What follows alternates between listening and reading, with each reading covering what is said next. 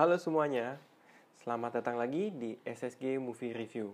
Gua Ray, dan di episode kali ini gua mau mengulas film yang baru aja gua tonton uh, kemarin malam ya, karena hari ini sudah pagi. Dan di sini jamnya 1 lewat 25 menit. Yaitu film Godzilla King of Monsters atau Godzilla kedua. Jadi uh, seperti biasa, jangan ke mana-mana dulu dan dengerin podcastnya ya.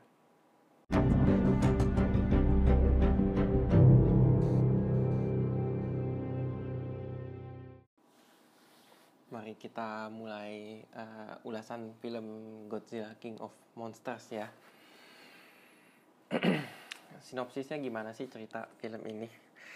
Kalau di internet kan pada saat kalian mau beli tiket di website-website bioskop ya, ini masih menceritakannya intinya Godzilla-nya muncul harus mengalahkan Titan-Titan yang mengancam kehidupan manusia gitu. Singkat sekali pokoknya, cuman beberapa kalimat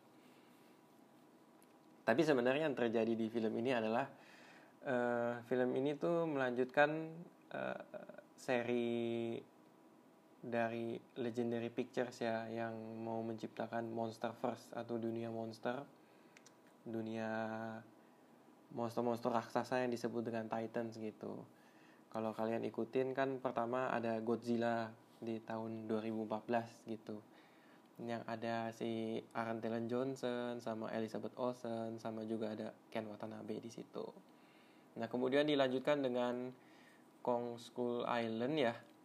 Kong School Island itu kalau nggak salah tahun 2017 tiga tahun setelah 2014 gitu ya tapi Kong School Island itu merupakan sebuah cerita yang latarnya itu mengambil sebelum kejadian si Godzilla dengan memperkenalkan uh, siapa tuh namanya yang terkenal jadi Loki Tom Hiddleston sama si Brie Larson di situ dan juga mengenalkan organisasi yang meneliti dan mengawasi pergerakan para titan ini yang disebut dengan Monarch gitu.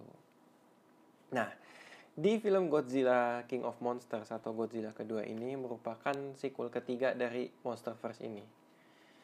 Intinya sih e, menceritakan bahwa ilmuwan monark ya. Dr. Russell Emma Russell. Eh bener gak nih namanya? Entah gue salah sebut lagi. Kalau di IMDb sih iya ya. Eh, Dr. Emma Russell yang diperankan oleh Vera Farmiga.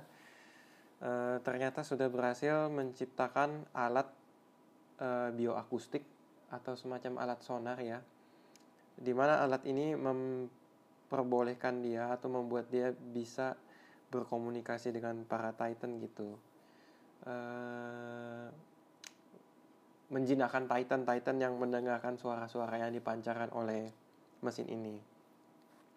Tapi sebenarnya yang terjadi dalam cerita film ini adalah ada sekelompok ekstremis ya yang mau mencuri alat tersebut dan menggunakan alat itu untuk membangkitkan para Titan dan memporak-porandakan dunia hanya dengan alasan yang super simple dan sangat apa ya bilangnya ya sangat kekinian lah ya yaitu dia memiliki anggapan bahwa manusia yang hidup di bumi saat ini merupakan salah satu ancaman terbesar di bumi yang harus dimusnahkan. Cara dimusnahkannya adalah dengan melepas Titan dan membiarkan para Titan atau monster raksasa ini nih ya udah porak-poranda dan membunuh para manusia dalam skala yang besar gitu. Karena mereka percaya dengan melahirkan kembali Titan yang sedang hibernasi saat ini, itu akan bisa mengurangi populasi manusia dan membuat alam tuh ya kembali seperti dahulu kala gitu. Pohon-pohon tumbuh lagi di tengah-tengah kota. Uh, manusia tidak mencemari lingkungan air dan lain sebagainya gitu. Nah karena kelompok ini berhasil mengambil alat tersebut dan melepaskan salah satu Titan yang tergolong sangat-sangat kuat bahkan sampai dirahasiakan keberadaannya yang bernama Ghidorah ya di sini.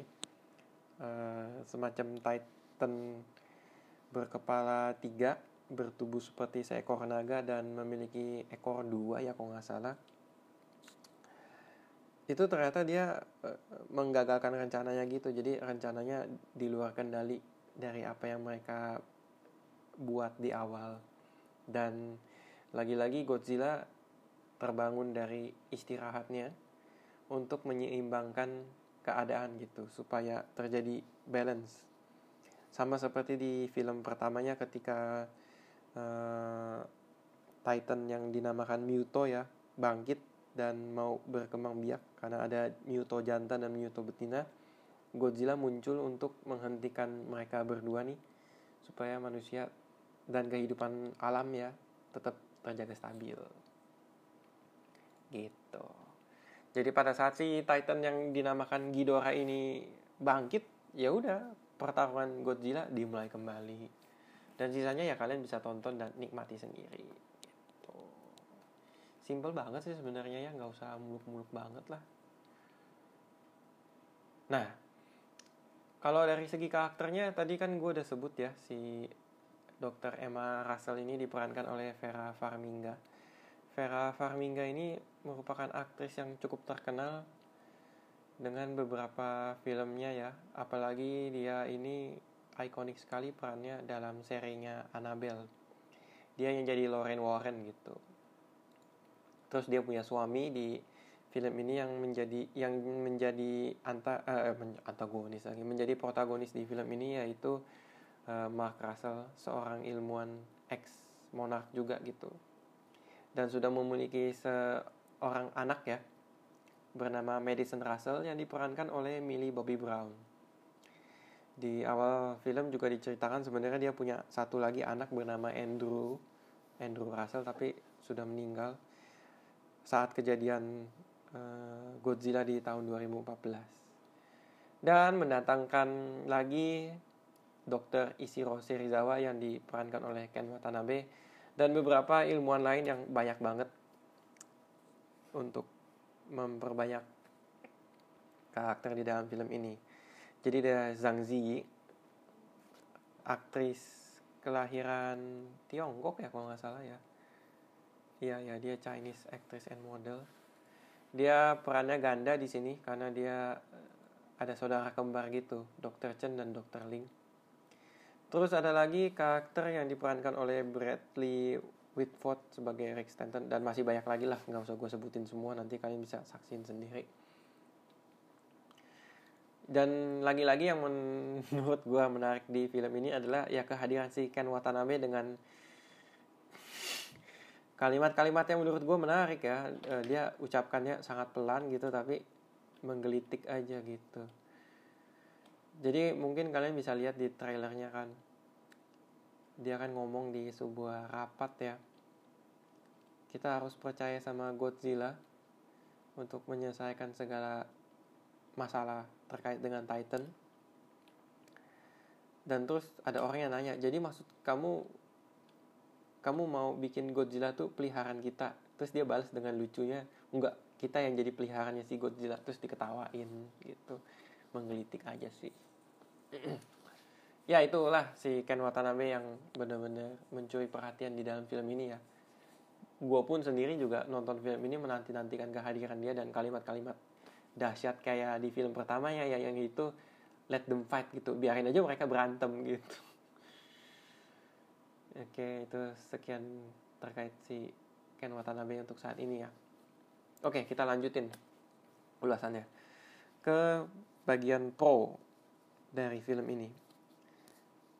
Gue enjoyable sih dengan film ini tapi ya tidak se enjoyable pada saat gue nonton John Wick gitu ya. Agak kecewa dengan beberapa hal tapi gue bahas pro-nya dulu. Pro-nya adalah porsi aksi Godzilla ini uh, pukul-pukulan sama monster raksasa itu lebih banyak sih dibanding yang pertama. Gue merasanya lebih banyak gitu. Dan setiap kemunculan si Godzilla ini menandakan babak-babak film Godzilla King of Monster gitu. Ada beberapa kali pertarungan si Godzilla nya mungkin tiga kali ya kalau gue rangkum. E, bungkusannya tuh ada tiga babak gitu. Babak awal babak tengah babak akhir. Dan di setiap babak itu ditandai dengan kemunculan Godzilla dan bertengkar gitu dengan si Ghidorah dan beberapa monster lainnya. Itu yang pertama. Yang kedua adalah uh, dia menciptakan sesosok antagonis ya organisasi yang dipimpin oleh seorang tokoh bernama Alan Jonah yang diperankan oleh siapa sih namanya ini? Charles Dance. Ya dia jadi sekelompok orang yang sudah ekstrim ya menganggap bahwa untuk menyelamatkan bumi itu salah satu caranya adalah memusnahkan manusia gitu. Menurut gue ini cukup menarik dan ya ini bisa jadi perdebatan sih gitu. Ini sebagai pengingat buat teman-teman juga untuk cintai lingkungan mungkin barangkali ya buang sampah pada tempatnya jangan sembarangan kurang-kurangilah pakai sedotan dan lain sebagainya gitu. Oke pro yang ketiga pro yang ketiga ini uh, film ini keliling dunia gitu. Jadi beberapa titan yang ditemukan oleh para ilmuwan monark ya itu di beberapa titik negara yang beragam. Dan di setiap titik negara itu jadi si monark menciptakan e, membangun science facility gitu untuk barangkali meneliti dan mengawasi gitu ya masa hibernasi para titannya. Atau titannya lagi istirahat gitu di film ngakunya titannya banyak banget ada 17 dan bertambah gitu tapi yang paling digaris bawahi di film ada empat sih ya. Selain si Godzilla ada uh, sesosok kupu-kupu besar dan raksasa bernama Motra. Terus tadi yang gue udah gue sebut si Ghidorah, naga berkepala tiga dengan ekor dua yang memiliki kemampuan memanipulasi alam gitu ya, menciptakan badai dan petir atau halilintar gitu, listrik-listrik gitu. Kemudian ada juga si yang terkenal ini namanya Rodan ya. Rodan itu semacam makhluk berbentuk burung raksasa yang kekuatannya itu berkaitan dengan api. Bakar-bakar gitu deh. Jadi nanti kalau kalian nonton ya, kalian bisa ngelihat pemandangan. Terus nanti di filmnya juga kasih tahu kita lagi ada di lokasi mana gitu. Misalkan di negara China atau Tiongkok. Di uh, pegunungan apa gitu. Terus dikasih tahu ini Monarch Science Post yang keberapa. Terus ada Antartika atau Antar apa Arktik gitu ya. SS gitu. Ini Monarch Post keberapa. Ada juga Jerman kalau nggak salah. Ada Jepang Jepang ada nggak ya lupa gua. Ada deh pokoknya. Jadi kayak kita keliling dunia dikasih tahu kita di mana mana aja. Dan wah ternyata ada titannya nih sembunyi sembunyinya kayak gimana gitu. Dan film ini pro yang keempat ya diwarnai dengan jokes-jokes yang cukup sarkastik sebagai penurun tensi film ini gitu. Film ini kan serius banget. Tapi ada beberapa karakter yang dihadirkan ya memang untuk membawa elemen komedi dan lucunya gitu walaupun menurut gue kalau terlalu over joke-nya jadi mengganggu gitu. Sebenarnya gue membayangkan kalau joke-joke ini ditiadakan di dalam film ini film ini jadi terkesan sangat serius gitu. Tapi kalau misalnya dimunculkan ya jadi ya gak monoton lah filmnya gak aksi monster gede lawan monster gede pukul-pukulan atau keluarin napas api listrik dan segalanya. Tapi dialog antar karakter tuh ada lucu-lucu gitu di tengah keadaan yang genting. Jadi misalkan satu ilmuwan gitu ya, pada saat ini spoiler nggak apa-apa ya, ada Godzilla-nya mau muncul gitu ya. Terus kan eh, para ilmuwannya lagi di dalam fasilitas gitu. Ada ilmuwannya bilang e, kita menunjukkan bahwa kita tidak mau macam-macam sama Godzilla dengan cara membuka pelindung fasilitas fasilitas uh, science si monarch ini nih gitu. Jadi buka aja pelindungnya biar Godzilla bisa lihat kita gitu. Terus ada yang bercanda iya buka. Sekalian aja ajak dia ke dalam minum bir gitu atau minum apa gitu. Satu. Terus ada satu adegan pas lagi ngobrol sama tentara gitu. Ada satu orang ngomong kita punya kabar buruk. Terus tentara yang ngomong sebut aja kabar doang gitu. Semua kabar yang kita dengar tuh pasti kabar buruk gitu. Dan banyak lainnya kalian bisa temukan nanti di film. Bagi kalian yang pecinta jok-jok sarkastik gitu ya dari dialog-dialog antar tokoh kalian akan menemukan itu jadi sesuatu yang lucu gitu. Termasuk gue bagi yang enggak ya ya udahlah ya. Dibawa santai aja namanya juga film nah yang terakhir pro-nya adalah gue merasa film ini benar-benar digarap dengan serius kerjasamanya dengan Toho ya jadi elemen-elemen dan kekuatan-kekuatan monsternya tuh ya sesuai dengan film-film yang pernah digarap oleh Toho di beberapa puluh tahun yang lalu gitu. Kalau kayak Godzilla kan terkenal dengan atomic breath ya atau nafas atom yang berwarna biru gitu.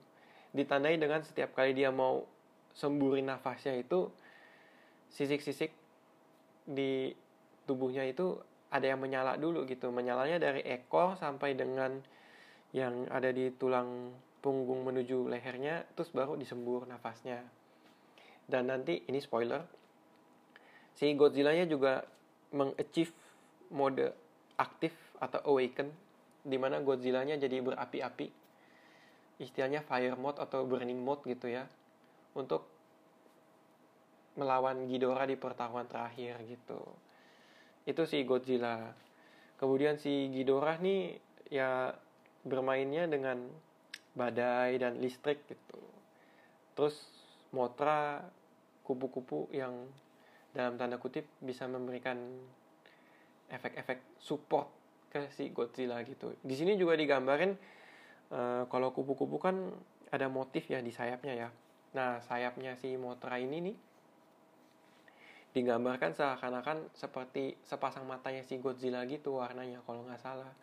Warna kuning gitu mungkin supaya menandakan bahwa Mothra dan Godzilla tuh saling support each other gitu. Dan ada si Rodan ya sembur-sembur api dan terbang bentuknya dimiripin burung lah gitu ini suara gue kedengeran gak sih? Atau hilang-hilang ya? Tes tes oke bisa. Sorry tadi mungkin agak keganggu karena gue pencet-pencet mikrofonnya. Oke. Sekian dari gue terkait dengan pro-nya ya. Sekarang kita masuk ke cons-nya. Menurut gue apa yang membuat film ini jadi membosankan gitu? Oke. No hard feeling ya bagi yang merasa film ini oke okay, gitu atau expect tinggi ini pendapat gue aja opini gue nggak penting juga sih opini gue sebenarnya. Yang penting gue mau beropini nah yang pertama karakternya tuh terlalu banyak gitu. Jadi menurut gue sepanjang film nih sebenarnya ada beberapa karakter yang tidak terlalu esensial aja gitu. Kalau gue ngebayanginnya ketika gue nonton dan selesai nonton gue mencoba mengingat kembali kejadian-kejadian yang ada ada beberapa karakter yang sebenarnya nggak perlu dimunculin tuh ya bisa jalan aja filmnya gitu. Karena karakter ini hanya sekedar penyedap aja untuk beberapa momen ya yang tanda kutip mengulur waktu gitu. Selain mengulur waktu ya karakter ini dimunculkan cuman buat mengekspositori atau mengekspos oh si Motra tuh kayak gini gini gini oh si Ghidorah tuh kayak gini gini gini gitu ngomong lah berasal dari luar angkasa jadi dia itu uh, sifat alamiah binatangnya tidak sama dengan binatang-binatang di bumi gitu. Jadi treatmentnya harus beda dan lain sebagainya. Itu yang pertama. Jadi terlalu banyak karakter ya. Nanti kalian coba rasain nonton sendiri, bener nggak terlalu banyak karakter. Kemudian yang kedua, ya pastilah ada yang mengganjal gitu. Ada beberapa momen yang kalau kita habis nonton mikir tuh, ih kok kayak gini ya gitu. Jadi ada satu momen nih eh, dari babak kedua, babak pertengahan menuju babak akhir film. Jadi si Godzilla-nya ini terluka parah gitu. Dan terluka parahnya itu gara-gara tentara Amrik yang so ide gitu. Oh kita punya senjata weapon of mass destruction baru nih yang kita mau tembakin ke si Godzilla dan Ghidorah gitu. Dan ya seperti film action monster-monster gitu biasanya kalau tembakin senjata kayak gitu kan berujung gagal dan malah bikin si musuhnya yang jadi lebih kuat gitu. Jadi Godzilla-nya melemah karena senjata yang ditembakkan oleh manusia gitu ya. Pada saat Godzilla-nya lemah Motranya datang nih untuk mensupport dan mencari lokasi si Godzilla gitu terus manusianya punya ide oh kalau gitu kita mesti bantu Godzilla tuh menyembuhkan dirinya dengan mengirimkan pasokan energi dari nuklir gitu. Jadi ada beberapa ilmuwan yang memutuskan untuk bawa nuklir, terus rencananya mau diledakin buat di dekat si Godzilla-nya biar radiasinya bisa diserap sama Godzilla supaya jadi tambah kuat gitu. Akhirnya kan diledakin nih nuklirnya gitu ya. Tapi ya udah udah habis diledakin nuklirnya plep gitu Godzilla-nya muncul motornya udah hilang gitu entah ke mana gitu. Jadi apa ya istilahnya plot hole lah ya kayak gitu ya. Bener gak sih? Jadi habis monsternya dateng terus hilang gitu. Dan ini nggak cuma berlaku di Motra doang beberapa monster yang diceritain bahwa bangkit dari masa hibernasinya memporak-porandakan kota terus ya udah nggak disorot lagi di film gitu pokoknya dikasih tahu monster yang mana ngancurin kota di negara apa aja gitu. Jadi ya itulah mengulur waktu di dalam film aja gitu. Itu yang kedua. Tadi gue udah, udah sebutin yang ketiga secara nggak langsung tapi gue apa-apa gue sebut lagi. Yaitu ada momen di mana lagi-lagi tentara tuh suka so asik gitu. Oh kita serang monsternya pakai senjata terbaru kita aja, barangkali berhasil gitu. Kayak yang di pertama kan eh, ada Mutonya mau diserbu pakai nuklir ya kalau nggak salah pakai submarin. Nggak taunya submarinnya digerebek duluan sama Mutonya terus misil nuklirnya dimakan gitu. Dan jadi dia nambah tenaga sendiri gitu. Dan ini kejadiannya sama gitu ada senjata berbasis oksigen kalau nggak salah ditembakin eh Gidoranya tambah kuat gitu Nah, terus yang ketiga nih, konsnya ya. Lagi-lagi di sini tuh uh, ada satu karakter tuh yang banting setir aja gitu. Tiba-tiba motivasinya berubah total gitu. Salah satunya si tokoh utamanya yaitu si dokter Emma Russell gitu. Ada twist-twist yang nanti kalian tonton mungkin, wih ternyata kayak gini, eh tahu-tahu menuju akhir film, hah kok kayak gini lagi gitu. Itu satu, gue nggak mau spoiler yang itu karena banyak mengandung cerita utamanya di situ. Tapi yang lucu lagi yaitu si Ken Watanabe dengan Godzilla-nya gitu. Jadi lagi-lagi ada momen klise di mana pada saat dia mau nganterin nuklirnya nih mau diledakin ke Godzilla, ada kerusakan sistem dari kapal selamnya si para ilmuwan dan tentara yang bersatu nih. Jadi misil nuklirnya nggak bisa ditembakin ke si Godzilla gitu. Karena ceritanya si Godzilla lagi hibernasi di salah satu tempat peninggalan dia lah ya. Istilahnya kuil dia di dasar laut gitu. Di mana eh, kenapa misil nuklirnya harus ditembakin karena di dalam tempat peristirahatnya si Godzilla itu tingkat radiasinya tuh tinggi gitu. Jadi kalau manusia deketin tem deketin itu kan bisa ya namanya radiasi ya merusak segalanya gitu. Nah karena misilnya nggak bisa ditembak nih, jadi kan nggak bisa kirim nuklirnya dari jarak jauh gitu ya. Akhirnya si dokter Ishiro Serizawa-nya secara sukarela aja ngomong udah gue yang kirim aja gitu. Dan di dalam submarin itu atau kapal selam ada kapal selam yang lebih kecil gitu ya udah si Ken Watanabe bawa nuklirnya masuk ke dalam kapal kecil itu terus jalan deh ngungung ngungung ngungung ngungung gitu. Jalan ke situ dia keluar dari kapal dia jalan ke atas altar gitu di mana Godzilla-nya lagi tiduran terus dia set timer nuklirnya deh Nah sebelum diledakin nih, si Ken Watanabe-nya tuh kayak lepas helm, lepas sarung tangan, terus kayak elus-elus kepala si Godzilla-nya dan mengucapkan sebuah kalimat yang menurut gue meninggalkan tanda tanya besar bagi gue gitu. Jadi dia ngomong selamat tinggal teman lama gitu. Memang si Ken Watanabe ini pernah berteman ceesan baik gitu sama Godzilla-nya gitu kenapa nggak pilih kalimat yang lebih catchy gitu. Tolong lindungi bumi ya gitu. Kayak apa kayak gitu. Tapi ya namanya film ya kan gue ini komentar opini gue gitu. Gue tahu bikin film susah gitu tapi kalau gue boleh berkomentar ya komentar gue itulah gitu. Ya itu yang ke berapa nih? Cons keempat. Nah ini cons terakhir nih. Endingnya gantung lah menurut gue kita tahu ya pasti um, Godzilla Kings of Monster ini sudah mendapatkan sequel di mana Universal Picture dan Legendary Picture ini eh Universal Picture sorry sorry maksudnya Warner Bros Picture dan Legendary Picture ini mau mempertaruhkan Godzilla dengan Kong King Kong gitu. Jadi nanti ada di tahun 2020 atau 2021 ada film Godzilla versus Kong. Berarti kan Godzilla bakal menang ya di film ini nih spoiler orang cerdas gitu ya.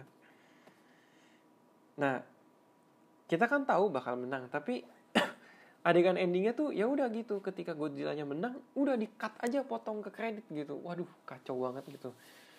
Jadi kayak, oh ya Godzilla-nya menang gitu. Tiba-tiba, hah? Udah selesai gitu. Tapi ada after credit gitu dan after creditnya ini ya untuk mempersiapkan sequel ya gitu after creditnya itu bener-bener sampai akhir ya kalau nggak salah. Karena lu di awal itu pada saat kredit awal dia tuh kayak ada uh, clipping-clipping berita-berita gitu kayak di expose uh, yang seakan-akan diarahkan ke Kong gitu. Karena kan Kong itu berasal dari School Island gitu. Jadi ada berita-berita yang menggarisbawahi kalimat dan kata School Island gitu